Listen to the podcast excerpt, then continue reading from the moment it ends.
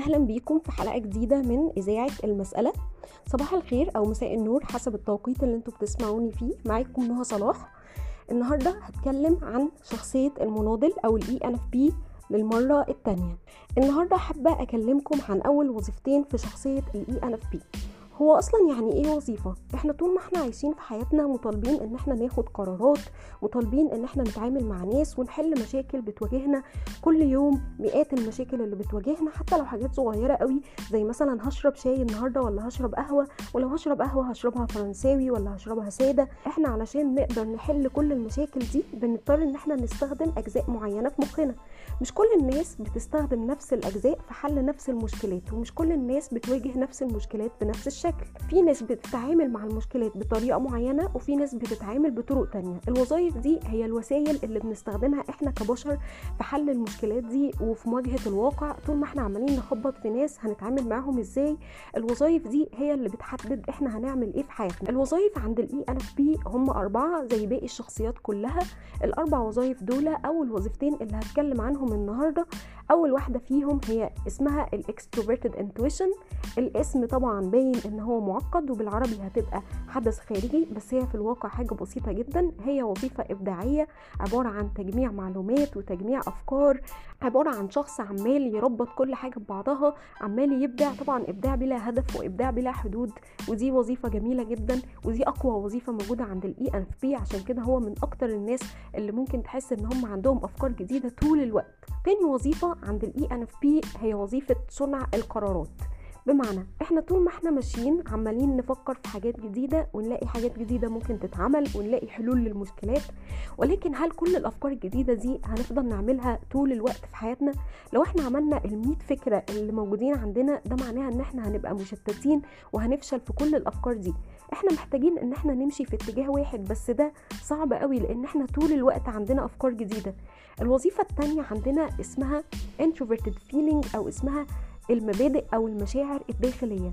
الوظيفة دي هي الوظيفة اللي نقدر نحدد بيها الحاجة اللي إحنا عايزين نستمر فيها من ضمن الحاجات الكثيرة اللي إحنا جمعناها من شوية في وظيفة الحدث الخارجي.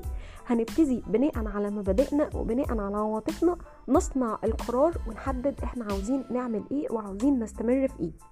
طبعا ممكن يكون في مناضل أو اي ان اف بي بيسمع التسجيل ويقول لأ طبعا أنا مش شخص بيعمل قراراته على أساس العاطفة أو على أساس المبادئ أنا شخص منطقي جدا. وده مش حقيقي. معنى إن إحنا بنبني قراراتنا على العواطف مش إن إحنا مثلا مش بننجح في الرياضيات مش بننجح في العلوم بالعكس إحنا ممكن نكون شاطرين جدا في الرياضيات شاطرين في العلوم بنعمل أحسن معادلات في الكوكب بس في النهاية لما نيجي نعمل قرارات حياتنا هنعملها برضو بناء على عواطفنا ومشاعرنا. هتدرك الحقيقة دي لو اتعاملت مع حد في حياتك من الناس اللي بيستخدموا وظيفة منطقية مش بيستخدموا عواطفهم. وهتلاقي قد إيه هما بيتعاملوا مع الحقائق ومع الناس بشكل جاف وبيقدروا إنهم يفصلوا مشاعرهم عن الحقائق اللي موجودة حقيقي.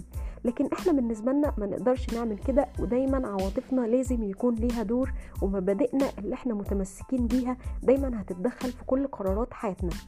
ودي ما بعتبرهاش حاجة وحشة. وعمري ما أقول مثلا إن أنا مش عايزة أطور الوظيفة دي طالما هي معناها إن أنا هستخدم عواطفي بالعكس إحنا محتاجينها أكتر ما إحنا محتاجين أي حاجة. زي ما إحنا محتاجين نتنفس وزي ما إحنا محتاجين الأكل والشرب لأن من غيرها هنبقى عايمين في بحر الأفكار بتاعة الوظيفة الأولانية اللي هي الحدث الخارجي وعمرنا ما هنعرف ناخد قرار. الوظيفة اللي هتخلينا ناخد قرار سريع هي العواطف الداخلية. دي الوظيفة اللي هتخلينا نقدر نواجه العالم ونحدد إحنا عايزين نعمل إيه.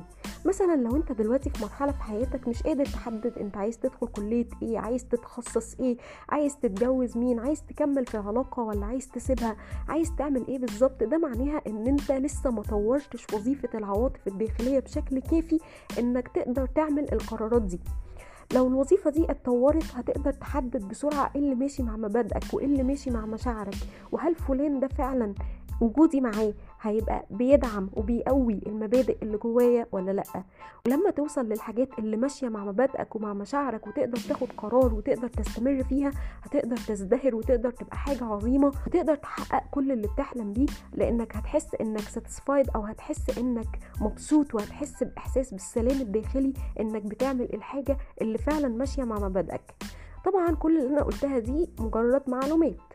المعلومات لوحدها ملهاش قيمة ولكن إذا اتطبقت بتبقى ليها قيمة كبيرة. علشان كده لازم ال ENFP يفضل يجرب حاجات كتير ويغلط كتير لحد لما يقدر يوصل للحاجات اللي هو فعلا عايز يعملها اللي هي فعلا ماشية مع مبادئه.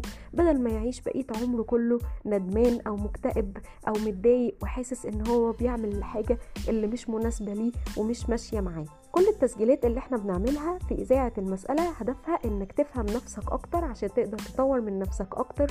وكل لما هتعمل كده كل ما هتقدر تشتغل على نقاط قوتك فتخليها أقوى وتشتغل على نقاط ضعفك فتخليها أقل وتوصل لأحلى صورة ليك.